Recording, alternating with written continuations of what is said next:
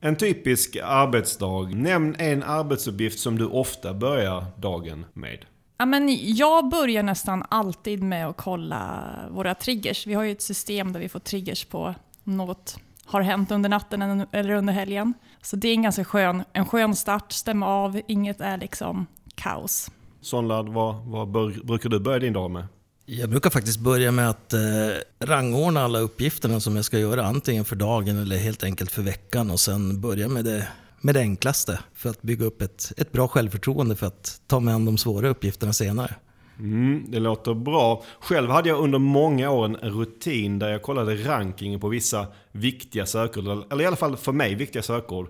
Eh, men jag har släppt det lite mer och mer, vilket är ganska skönt. Eh, jag kollar fortfarande ranking såklart, men inte lika maniskt eh, varje morgon. Nu är det kanske lite vanligare att jag loggar in på Google Ads det första jag gör. För att kolla hur några av de experimenten som jag har igång eh, fungerar och levererar. Det är alltid lite extra spännande och man vill veta det direkt hur det har gått helt enkelt. Förutom idag då, för idag börjar vi ju alla här dagen med att spela in ett avsnitt av Sökpodden som kommer här. Du lyssnar på Sökpodden, en podcast för dig som gillar Google, SEO och SEM. Sökpodden görs av Pineberry. Varmt välkomna till avsnitt 82 av Sökpodden. Mitt namn är Mikael Wahlgren. Idag har jag nöjet att sitta här med Maria Fernholm. Hallå hallå! Och Sonlad Berglund. Hallå hallå! Idag bjuder vi på följande ämnen. Vi kör en SEO-klinik, sen pratar vi maskinskrivet innehåll och så avslutar vi med Facebook Ads vs LinkedIn Ads. Hur är läget med er idag så här efter en påsk? Ja, men det är strålande med mig i alla fall. Det är, solen skiner och man känner sig utvilad efter flera dagars ledighet. Så det är på topp. Ja, det är bara fint med mig. Jag har varit uppe i Norrland över påsk så att det, eh, det är kalasbra. Mm. Och Solna, det är ju första gången du är med här i Sökpodden. Du kan väl berätta lite om dig själv? Ja, eh, född och uppvuxen i en liten by, tre mil utanför Piteå, som heter Holmträsk. Eh, jobbade på förskola i 16 år innan jag började studera webbutveckling. Men eh, det blev ingen webbutvecklare av mig utan det blev digital marknadsföring som jag har gjort de senaste fyra åren. Varför blev det digital marknadsföring och varför det här lite karriärskiftet efter 16 år på förskola? Det var lite grann när man skaffade barn själv så kände man att man ville testa på någonting nytt. Jag har alltid varit intresserad av eh, sökmotoroptimering och hängt på SEO-forums träffar som fanns back in the days och drivit lite affiliate-sidor och sånt där. Så det kändes som ett naturligt steg. Mm. Jättekul att ha med dig här i Sökpodden Solna och det är hög tid att vi kör igång med dagens första ämne. Det är dags för vår tionde SEO-klinik. Senast vi körde en klinik var i avsnitt 77. Då var du också med eh, Maria. Var det så? Ja, men det är alltid kul när vi kör SEO-clinics. Det är knappt som man kommer ihåg alla. Nej, precis. Och eh, för er som lyssnade senast så var det en lite annorlunda klinik mot normalt. Vi valde ju själva ett eh, stort internationellt företag som vi då gick igenom. Visst var det Tesla? Ja, precis. Eh, det var det. Och idag blir det också lite annorlunda mot kanske normalt, men inte lika mycket som senast. För sajten som vi ska gå igenom idag i vår klinik är inskickad av en lyssnare, som det brukar vara. Men det som är lite annorlunda än normalt är att eh, vi kommer bara prata om just eh, denna sajt. Och det är väl inte bara en sajt, utan många sajter? Ja, för idag kommer vi göra SEO-klinik på Stockholms stad. Och detta case är inskickat av Jan som jobbar som strateg på Stockholms stad och som jobbat med det stora webbprojekt som eh, Stockholms stad började genomföra för några år sedan. Och tack för att du lyssnade på Sökpodden Jan och tack för att du hörde av dig. Verkligen, det är ett väldigt stort projekt och förändring som de tog sig an. Ja, och eh, det är ju en väldigt, väldigt stor migrering. Eh, och jag kanske ska förtydliga här att vi på Pineberry på inget sätt har varit inblandade i det här projektet. Och vad säger du Sonlad? Skulle du ha velat vara inblandad i det här om du nu fick välja i efterhand? Ja, eh, både och. När det är så här stort så är det så mycket som kan gå fel. Samtidigt är det ju väldigt spännande och säkert lärorikt. Så jag hade nog gärna varit med på ett hörn. Mm. Och jag, jag tänker att vi gör som så att vi går igenom vad det är Stockholms stad gjort och sen tittar vi lite på det med då våra SO-glasögon. Eh, ja, och här ska vi väl kanske nämna att vi oftast, som vi alltid gör, tittar på problem och kanske lite utmaningar som de har haft och möjligheter. Mm. Bra att du nämnde det Maria. Vi brukar inte alltid ta upp saker som man har gjort väldigt, väldigt bra, utan det är mer lite fokus på problem. Ja, men precis. Och vi får backa till 2014 för att berätta om det som Stockholms stad då har gjort där. För då köpte Stockholms stad toppdomänen .stockholm för en miljon kronor. Och då var det ICANN som eh, eh, under några år innan hade börjat öppna upp för nya toppdomäner där Stockholms stad då hade fått förtur till att köpa .stockholm och det var något som de då nappade på. Ja, men det är lite coolt med en egen toppdomän. Skulle du vilja ha .maria? ja, fast jag vet inte om jag skulle betala en miljon. Nej. Och eh, efter att Stockholm då köpte toppdomänen 2014 så låg den och vilade ett par år och sen började då lite planer formas för det som då sen hände och det vi ska prata om här idag. För tidigare var Stockholms stads primära sajt stockholm.se men i etapper har stora delar av det här innehållet flyttats över till .stockholm. Och det har flyttats ut till enskilda sajter. Och eh, för att ta ett exempel, då, innehållet kring förskolan ligger exempelvis numera på forskola.stockholm. Information om parkering ligger på parkering.stockholm och så vidare. Ja, jag hade helt missat att de hade, att de hade gjort det här. Ja, jag också faktiskt. Och då använder jag deras sajt och deras information och tjänster ofta. Men eh, de har medvetet, om jag har förstått det rätt, legat eh, ganska lågt kommunikativt kring förändringen. Är de klara med migreringen? Inte helt vad jag förstått. Det är väl så att man blir kanske aldrig riktigt klar med sånt här jättestort projekt. Men det finns nog kanske lite till som ska flyttas. Men en stor del är de klara med. De har ju flyttat i runda slängar 60 sajter till då punkt Stockholm. Oj, det blir många sajter. Minst sagt. Och vi kanske ska börja där när vi börjar titta på dem med våra SEO-glasögon. För tidigare hade de ju en domän, en huvuddomän, stockholm.se, där de hade allt innehåll. Nu har de 60 stycken olika. Är det bättre eller sämre rent SEO-mässigt? Rent spontant skulle jag säga sämre, för nu har man 60 huvuddomäner som behöver skapa sig en auktoritet istället för en huvuddomän där man kunde dela all auktoritet. Ja, och sen tycker jag det är lite svårt att veta i det här fallet hur Google ser på just punkt Stockholm med tanke på att det är bara Stockholms stad som använder just den toppdomänen idag. Verkligen, det är ett specialfall. Men eh, är det ingen annan som får använda den nu? Inte i dagsläget, men det finns diskussioner vet jag om att eventuellt tillåta andra att använda den. Till exempel då partners till eh, Stockholms stad. Hur eh, står sig .stockholm mot .se SEO-mässigt? Normalt så är det .se att föredra i Sverige. Men det är svårt att värdera .stockholm. Framförallt när det som sagt bara är Stockholms stad som använder den. Det är svårt att veta om Stockholms stad rankar extra bra på grund av den eller trots den. Ja, jag håller med om att det är svårt att säga. Uh, spontant skulle jag anta att .stockholm inte är en fördel SEO-mässigt mot .se. Men sen kan det såklart vara så att Google på något sätt kopplar .stockholm ännu tydligare mot just det geografiska området Stockholm och att det då ger någon form av fördel på lokala sökningar. Men jag är lite tveksam till det. Men eh, vad är anledningen att Stockholms stad flyttade sitt innehåll från stockholm.se till .stockholm? Ja, jag frågade dem om det här inför att vi skulle göra den här kliniken. Och det fanns lite olika anledningar och några av dem som jag tyckte kändes viktigast var att det var en kommunikativ sak, att de har sin egen toppdomän ger någon form av kvalitetsstämpel. De hade också ett säkerhetsmässigt tänk att i och med att de kontrollerar hela toppdomänen så kan de också styra säkerheten ännu mer. De ville också på något sätt optimera användarresorna för det de hade insett att det är väldigt sällan en användare rör sig mellan de olika delarna av sajten. Man går kanske inte mellan förskola till äldreomsorgen. Utan så där, därav tanken att man ska ha det som separata sajter. Och sen sammanföll det här också med att man valde att gå över till en teknisk plattform som är en multisites eh, lösning. Och sist men inte minst så lyfter de själva upp att SEO har varit en viktig del i beslutet. För de, de ser då att deras användarresor börjar eh, på Google. Och att Google egentligen är deras startsida. Och därför har man då valt en lösning med separata specialsajter och inte en stor specialsajt. Rent SEO-mässigt, hur har migreringen gått? Ja, och detta frågar jag också dem om. Och det är lite klurigt så här i efterhand att exakt svara. Och det blir liksom lite extra klurigt för dem, dem också att svara på det. För att i samband med det här så stängde de ner Google Analytics. Som då, det är ju ganska många myndighetssajter som har valt att göra så. Men utifrån deras egna analyser och, eh, så, så tycker de att den har gått bra rent SEO-mässigt. Vad ser vi?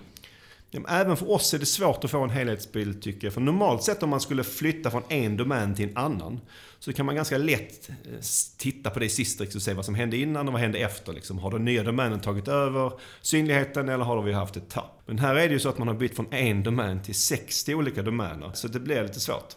Ja, det gör det ju verkligen lite svårare att jämföra före och efter. Ja, och det jag gjorde för att ändå få någon form av känsla är att jag jämförde olika delar. Jag tog lite stickprov. Exempelvis har jag jämfört då mappen som låg på stockholm.se för gymnasium med gymnasium.stockholm. Och samma sak gjorde jag även för områdena jobb och parkering. Och om man tittar då i Sistrix på de delarna eh, så ser det ut som att man har försvarat sin synlighet bra, eh, vilket ju är kul att se. Eh, men här vill jag ändå slänga in en brasklapp för jag vet att jag inte riktigt jämför äpplen med äpplen då allt innehåll inte flyttades ett till ett. Men jag tror ändå på något sätt att ge en hyfsad bra bild eh, över hur det har gått. Men det är ju snyggt. Om det nu är så att de lyckas behålla och till och med förbättra sin synlighet i samband med detta gigantiska migreringsprojekt. Ja, och sen är det en sak som jag vill också lyfta här som sticker ut lite. Att på något konstigt sätt så att ungefär ett halvår innan de här delarna som jag tittar på specifikt på eh, migrerades så försvann synligheten mer eller mindre eh, helt och hållet. Eh, om I alla fall enligt Sistrix. Och jag har haft lite konversation med Stockholms stad om detta och de vet inte heller exakt vad det är som har hänt. Men deras teori är att de i samband med det här fick proble- massa problem med dupliceringar på stockholm.se och det gjorde då att, att deras synlighet försämrades eh, avsevärt. Ett halvår är ganska lång tid. Ja, och jag tycker det är lite märkligt för med tanke på vilket eh, förtroende som Google har och då kanske framförallt hade för Stockholm.se så är det konstigt tycker jag att nästan all synlighet försvann Även om det var problem med dupliceringar och där, även om det här var stora problem. Men samtidigt så har jag inte en bättre teori för jag hittar inget annat när jag kollar på sidorna i Wayback Machine från den tiden. Och det man ska tillägga här också kanske är att det flyttades väldigt mycket innehåll från Stockholm.se under den här perioden. Så det kanske blev väldigt rörigt för Google vad som var vad. Hur, eh, hur var det nu? Flyttar de allt innehåll samtidigt? Nej, eh, som jag har förstått det så flyttades det i etapper, område för område. Och jag vet inte om det var bra eh, eller dåligt i just detta fall, men rent generellt är min erfarenhet att det kan vara bra att dela upp en migrering i det fall det låter sig göras tekniskt och rent praktiskt. Det är inte alltid det går att dela upp det. Jag var själv eh, inblandad i ett projekt eh, för ett tag sedan där man i runda slängar skulle migrera 10 stycken varumärken som hade sina egna sajter till ett helt nytt varumärke och sajt. Och genom att ta en sajt i taget som man gjorde där, då trimmar man ju på något sätt processen och de eventuella missar som görs på första sajten, de kan man då undvika på resterande migreringar. Flytten till eh, 60 nya sajter på .stockholm måste ha inneburit en massa redirects. Ja, eh, verkligen. Och vad jag kan se har man lyckats ganska bra med det i samband med migreringen. Sen ser det ut att finnas en del gamla saker som man kanske borde se över. Eh, som då inte specifikt har med flytten att göra. Exempelvis såg jag att eh, HTTP-versionen av Stockholm.se 302 till HTTPS-versionen. Innan den då numera 301 till start.stockholm. Och eh, det finns ju ganska många gamla länkar som fortsätter peka till HTTP-versionen av Stockholm.se. Så där finns ganska mycket gammal trevlig länkkraft som man kan eh, återanvända. Sen såg jag också att det finns en, en del sidor som eh, är 404 som har länkar till sig. Exempelvis eh, ganska mycket som ligger på bibliotek.stockholm.se. Eh, och den är inte flyttad till .stockholm nu och jag vet inte om- det ska göras längre fram eller inte. Men oavsett är det någonting man kanske borde kolla in. Har vi hittat något annat när vi har kollat igenom?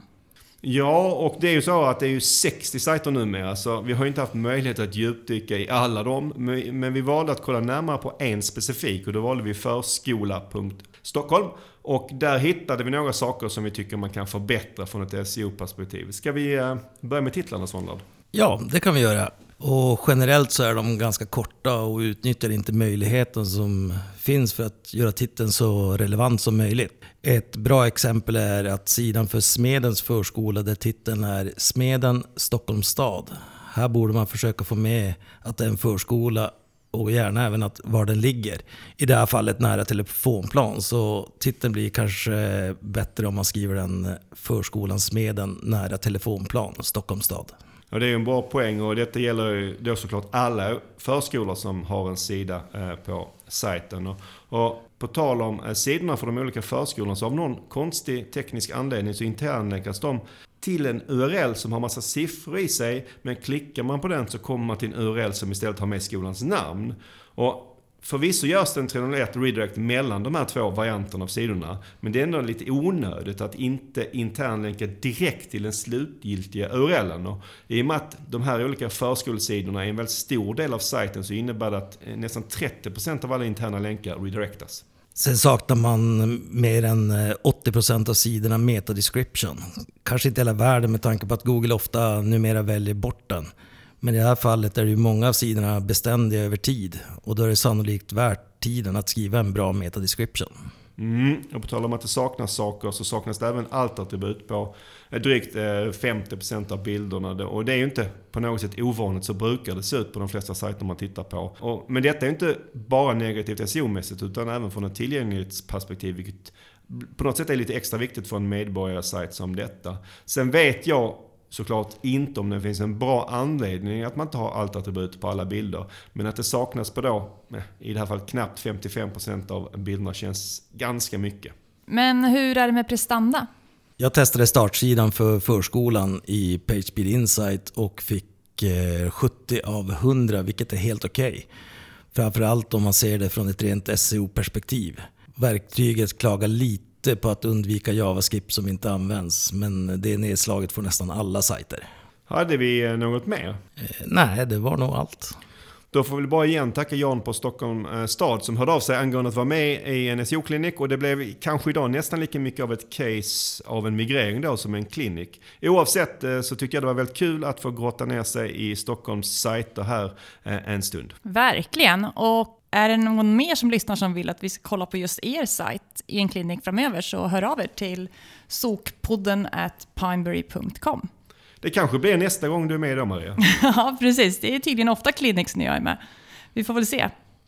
Eh, därmed sätter vi punkt för vår SEO-klinik av Stockholms stad och går rast vidare till nästa ämne.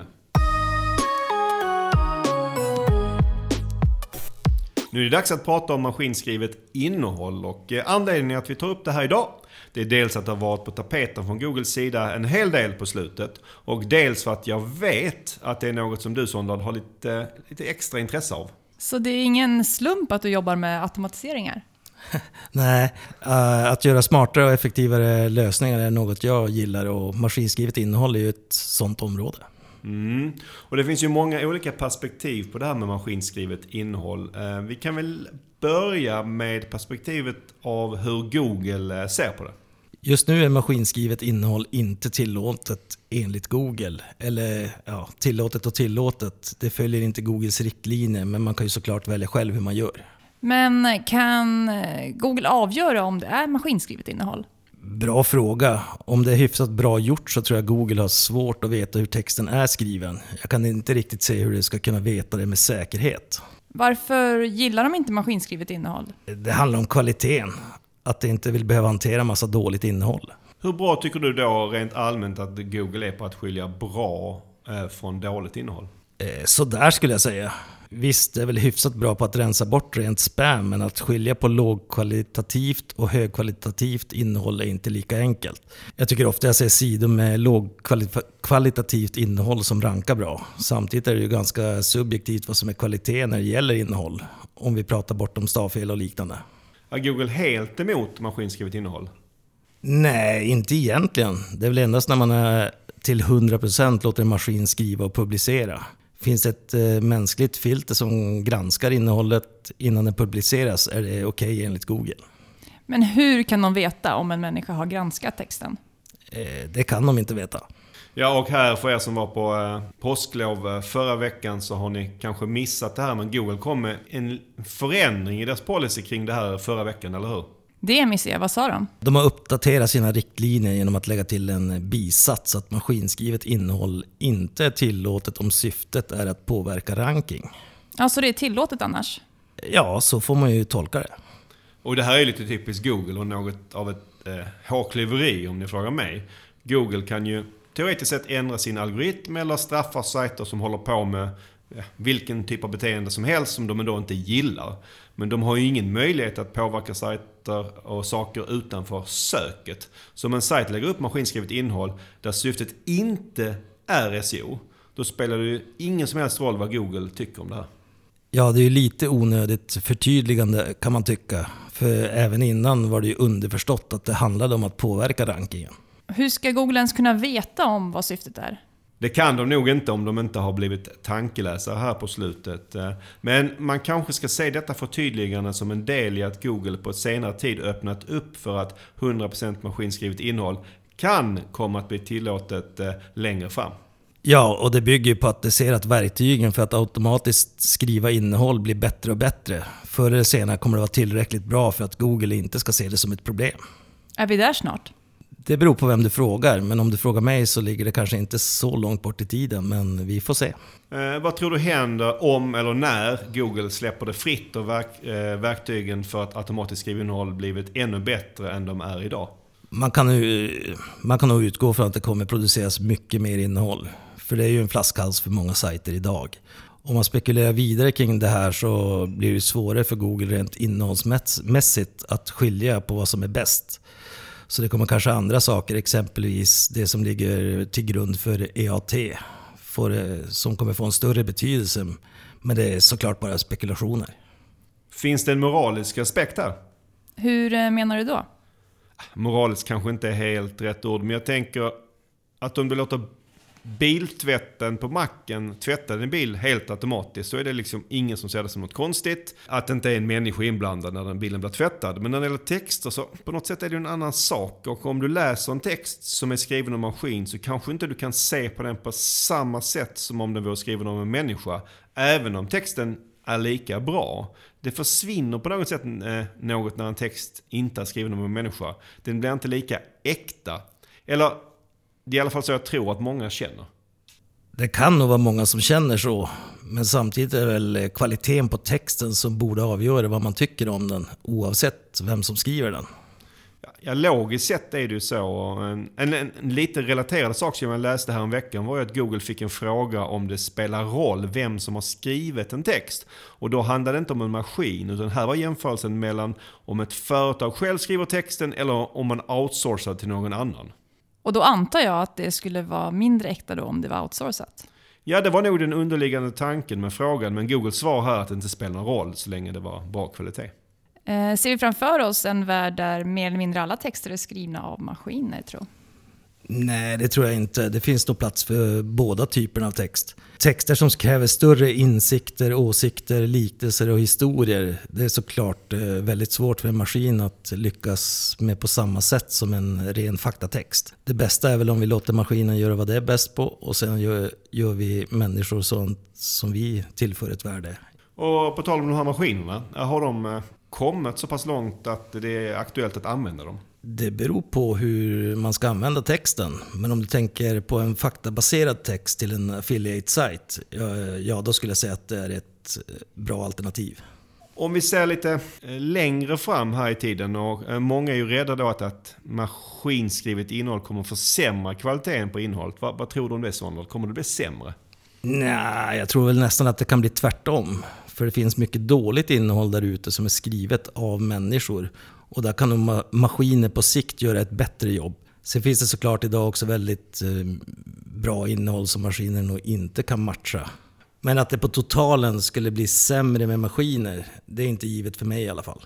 Och vilket är ditt favoritverktyg för att skriva automatisk text just nu? Det finns väldigt många som jag har testat och eh, med den som jag gillar mest är väl Jarvis som eh, nu är, har bytt namn till Jasper. Den tycker jag är riktigt bra. Hur funkar det? Det finns många olika sätt att använda Jasperpod. Det beror mycket på vilket abonnemang man använder. Men jag brukar använda något som heter Boss Mode. Vilket gör att man mer eller mindre sitter och kommunicerar genom att skriva olika kommandon till Jasper. Som exempelvis skriv informativt om att göra upp eld. Sen genereras det ut x antal ord om just det. Behöver du sen lägga någon form av mänsklig touch på den här texten? Ja, man behöver gå igenom och justera vissa saker. Men totalt sett så är det effektivt sätt att skapa innehåll om du frågar mig. Så kanske inte för alla sajter och alla syften som sagt. Om man önskar högkvalitativa texter är maskiner kanske inte riktigt där ännu. Och vad skulle du säga din erfarenhet rent SEO-mässigt av den här typen av maskinskrivna texter? Hur bra rankar de jämfört med mänskligt skrivna texter så att säga? Oförskämt bra skulle jag säga. Hur menar du då? Eh, Jag har ju, använder ju själv eh, mycket till mina egna affiliate-projekt så att jag skulle säga att jag rankar väldigt, väldigt bra. Så på dina sajter så rankar det maskinskrivna innehållet minst lika bra som eh, det mänskligt skrivna innehållet? Absolut, det skulle jag säga. En eh, liten rolig sak med Jasper är att om man går in på deras sajt så har de ett antal loggor som många sajter har. Och jag uppfattar det som att eh, det är deras kunder då. Och då där, på den här listan är det Airbnb, det är IBM, det är Logitech och så vidare. Men en av loggorna är faktiskt Google. Ja, det är ju lite lustigt om Google själv använder maskinskrivna texter, just med tanke på deras egna policy. Deras syfte kanske inte är SEO. Nej, så är det säkert då. Med det så stänger vi butiken för maskinskrivet innehåll och går vidare till dagens sista ämne. Idag så ska vi avsluta med ett snack om LinkedIn Ads versus Facebook Ads. Ja, kul ämne. Och eh, vi kanske redan från början ska vara tydliga med att vi med Facebook Ads menar både Facebook och Instagram. Och att eh, vi i det här fallet kommer prata utifrån ett B2B-perspektiv. Ja, bra att du tog upp det eh, Maria. Ni som har ett förträffligt minne kanske kommer ihåg att vi hade ett liknande ämne för 30 avsnitt sedan. I avsnitt 50 eh, då pratade vi om eh, B2B på Facebook Ads. Men det har ju hänt en hel del sedan dess. Det är nästan tre år sedan. Ja, det har ju runnit mycket vatten under broarna sedan dess. Och en väldigt konkret sak som jag själv tänker på är att vi själva som ju B2B har annonserat under många år på Facebook Ads. Exempelvis har vi annonserat för våra webbinar. Så det funkade bra då och det funkar bra nu. Men en stor skillnad är att då kom majoriteten av våra konverteringar från Facebook men idag kommer majoriteten från Instagram. Ja, det är verkligen ett skifte som har skett- skett och eh, för mig är ju nästan Facebook Ads idag Instagram. Det är där det händer. När man pratar om detta med företag är det ju inte sällan att man har syn att Facebook Ads inte är något för B2B utan det bara är för B2C. Är det så? Nej, men det ska jag inte säga. Men självklart är det mer givet att Facebook Ads är bra för B2C. Men det kan ju vara en bra kanal även för B2B, som i vårt fall. Och tanken med vårt snack här idag är ju att vi ska jämföra med LinkedIn Ads. Och eh, vilka fördelar har Facebook Ads jämfört med LinkedIn Ads? Ja, en, en stor grej är såklart att det är betydligt fler som använder Facebook, Facebook och Instagram jämfört med LinkedIn. Så du kan ju nå en mycket större del av svenskarna. Ja, om jag kommer ihåg rätt så har Facebook och Instagram en 2-3 gånger högre årligt användande än LinkedIn enligt eh, den senaste undersökningen av svenskarna och internet. Ja, men det är stor skillnad och kollar man istället på det dagliga användandet eller frekvensen så blir skillnaden ännu större då Facebook och Instagram är runt 10 gånger större än LinkedIn. Sen är det väl mycket billigare på Facebook Ads.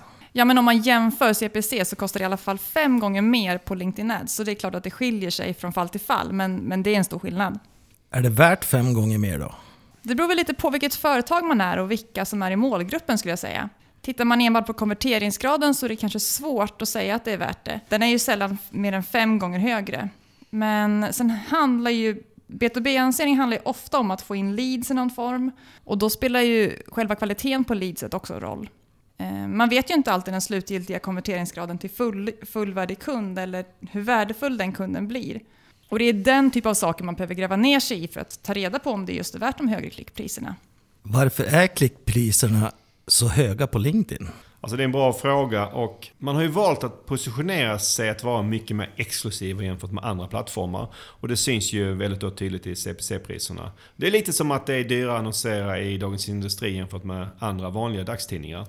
Sen har jag kanske personligen alltid känt att här har LinkedIn kanske valt fel väg. För jag tycker det är relativt lite annonser på LinkedIn. Och jag tror de kanske skulle kunna tjäna mer totalt sett om de då hade haft lite lägre CPC-nivå. För jag tror det avskräcker en del. Men det är kanske en, mest en känsla från min eh, eh, sida. Och det, det är möjligt att de har valt helt rätt prisstrategi. Företag annonserar att trots de höga priserna på LinkedIn så några fördelar måste ju finnas. Ja men absolut. Eh, det man ska komma ihåg är ju att LinkedIn är ett nätverk för folk som är ute i karriären, som arbetar eller ska byta arbete, ska in i arbete. Den främsta fördelen är väl att man just kan rikta sig mot exempelvis olika företag inom vissa storlekar, yrken, personer i olika positioner.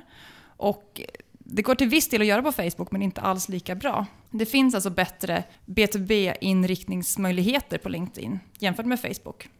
Ofta tycker jag att man får, väl, får nöja sig på Facebook med att kanske fokusera på ett relevant intresse och annonsera mot det. Vilket i och för sig kan funka bra. Ja, för vår egen eh, B2B-annonsering så hittar vi ju bra målgrupper utifrån intressen just på, på Facebook Ads. Precis. Men för många B2B-företag så kan det vara svårt att hitta relevanta intressen på Facebook. Man kanske är ute efter att annonsera mot personer i specifika roller, inom specifika branscher och, och där ger LinkedIn mycket bättre möjligheter. Till viss del så ger ju Facebook också den här möjligheten, men jag upplever i alla fall att den blir den är inte sämre på Facebook och blir bättre på LinkedIn. Och det kan ju kanske vara för att man är bättre på att uppdatera sin LinkedIn-profil jämfört med sin Facebook-profil. Har du några exempel på vilka företag som LinkedIn passar för? Ja, men ett exempel skulle ju kunna exempelvis vara ett företag som säljer något kanske väldigt dyrt, en, en dyr specifik mjukvara och då riktar sig mot exempelvis handlare. Det handlar om stora affärer värd miljonbelopp och man vill nå specifika personer inom positioner på retailföretag då, då som är inom en viss storlek. Så det, det är alltså ute efter en väldigt, väldigt nischad målgrupp. Och, och, kvaliteten här blir också väldigt viktig på leadet. Finns det några fler fördelar med LinkedIn Ads som du ser? Ja, men alltså det, jag upplever att det kan vara lättare att skapa engagemang på LinkedIn för B2B-företag. Och det tror jag handlar om lite grann eh, den plattformen just. Eh, men det man ska komma ihåg är att det är viktigt att ha bra annonsmaterial och bra målsidor. Och just för LinkedIn kanske inte det handlar om just att ha snygg design utan mer handlar om att ha bra, bra artiklar, nyhetsvärde, branschvärde eller liknande. Finns det en varumärkesaspekt på LinkedIn? Ja, hur tänker du nu? Att man som eh, företag tycker det är bättre för ens varumärke att synas på LinkedIn än Facebook. Att det är mer seriöst på något sätt. Ja, men så är det faktiskt en del som tänker. Men är det rätt att tänka så? Ja, rätt och rätt, det beror väl på hur man ser på sitt varumärke. Det finns nog egentligen inget rätt och fel här. Jag tycker kanske nog själv att man där ibland överskattar varumärkesaspekten av plattformen om man har detta som ett starkt skäl för att just välja LinkedIn. Som jag ser det så, man marknadsför sig i båda fallen mot individer oavsett om man marknadsför sig på LinkedIn eller Facebook. Ja, men jag, jag håller nog med, men samtidigt så vet jag till exempel att du och jag funkar ju väldigt olika när vi använder Instagram och LinkedIn. Ja, eh, jag vet att du ändrar ditt mindset när du växlar från Instagram till LinkedIn. Du går från privat till jobb. Ja, ja men precis. Och, och det skulle kunna vara en anledning att man får något annat på LinkedIn mot Instagram. Man får helt enkelt mer av jobb-Maria på LinkedIn. ja, men precis så. Ja, och här är vi ju då garanterat eh, väldigt olika. Och jag upplever att jag inte ändrar mindset när jag går från Instagram till LinkedIn. Men det handlar kanske också, i alla fall delvis, om att mina intressen inte skiljer sig sådär jättemycket mellan de här eh, plattformarna. Ja, så är det säkert. För mig är det mest, eh, det blir mest trädgård på Instagram och det hittar man ju inte så mycket av på LinkedIn. Och om vi då summerar så tycker vi då egentligen att både Facebook Ads och LinkedIn Ads är bra för B2B. Eller hur? Det är så vi ser på det. Ja, och, och, det handlar ju egentligen inte om antingen eller, utan det är två bra alternativ att nå ut som B2B-företag. Okej, men om man då är ett B2B-företag som inte testat Facebook Ads eller LinkedIn Ads ännu, vilken ska man börja med? Ja, men det är lite svårt att säga generellt. Det beror på vad målet är, vilken typ av B2B man är. Och eh, man måste ju verkligen fundera igenom, igenom vilken ens målgrupp är och var den finns och hur man ska hitta den. Vilken, på vilken plattform finns målgruppen? Och kanske också lite grann kring vilket material man har att tillgå. För en byrå som Pineberry är nog Facebook bäst att börja med, men det är kanske inte lika självklart om du är ett industriföretag. En anledning att börja med Facebook Ads som kanske gäller alla är ju att du oftast får mer trafik, för att det då är mycket, mycket lägre CPC-priser, vilket gör att du snabbare kan utvärdera hur det går. Bra poäng Maria. Ja, man vill ju alltid ganska snabbt eh, se hur det går. Och med det så tänker jag att vi avslutar vårt snack om Facebook Ads och LinkedIn Ads. Och det återstår bara att avrunda detta avsnitt. Innan vi säger tack och hej för idag vill jag slå ett slag för SEO-snack. Ja, det var ju väldigt stort intresse och väldigt kul senast. Nästa SEO-snack är den 19 maj på Femman på Hobo Hotel i Stockholm. Kom gärna förbi från klockan 17 och eh, framåt. Och jag såg att det även är SEO-snack i Göteborg snart. Det stämmer. Där går det av stapeln den 5 maj. Kom gärna till SEO-snack i Stockholm eller Göteborg, eller varför inte båda två om du har möjlighet. Alla detaljer hittar du på seosnack.se. Och Har du feedback eller synpunkter på dagens avsnitt? Eller kanske förslag på ämnen som du vill att vi pratar om nästa gång? Ja, då mejlar du till sokpodden at pineberry.com. Hör hemskt gärna av dig, det blir vi bara glada för. Tusen tack för att du har lyssnat idag. Ta hand om dig tills vi hörs nästa gång. Tack för idag. Tack och hej!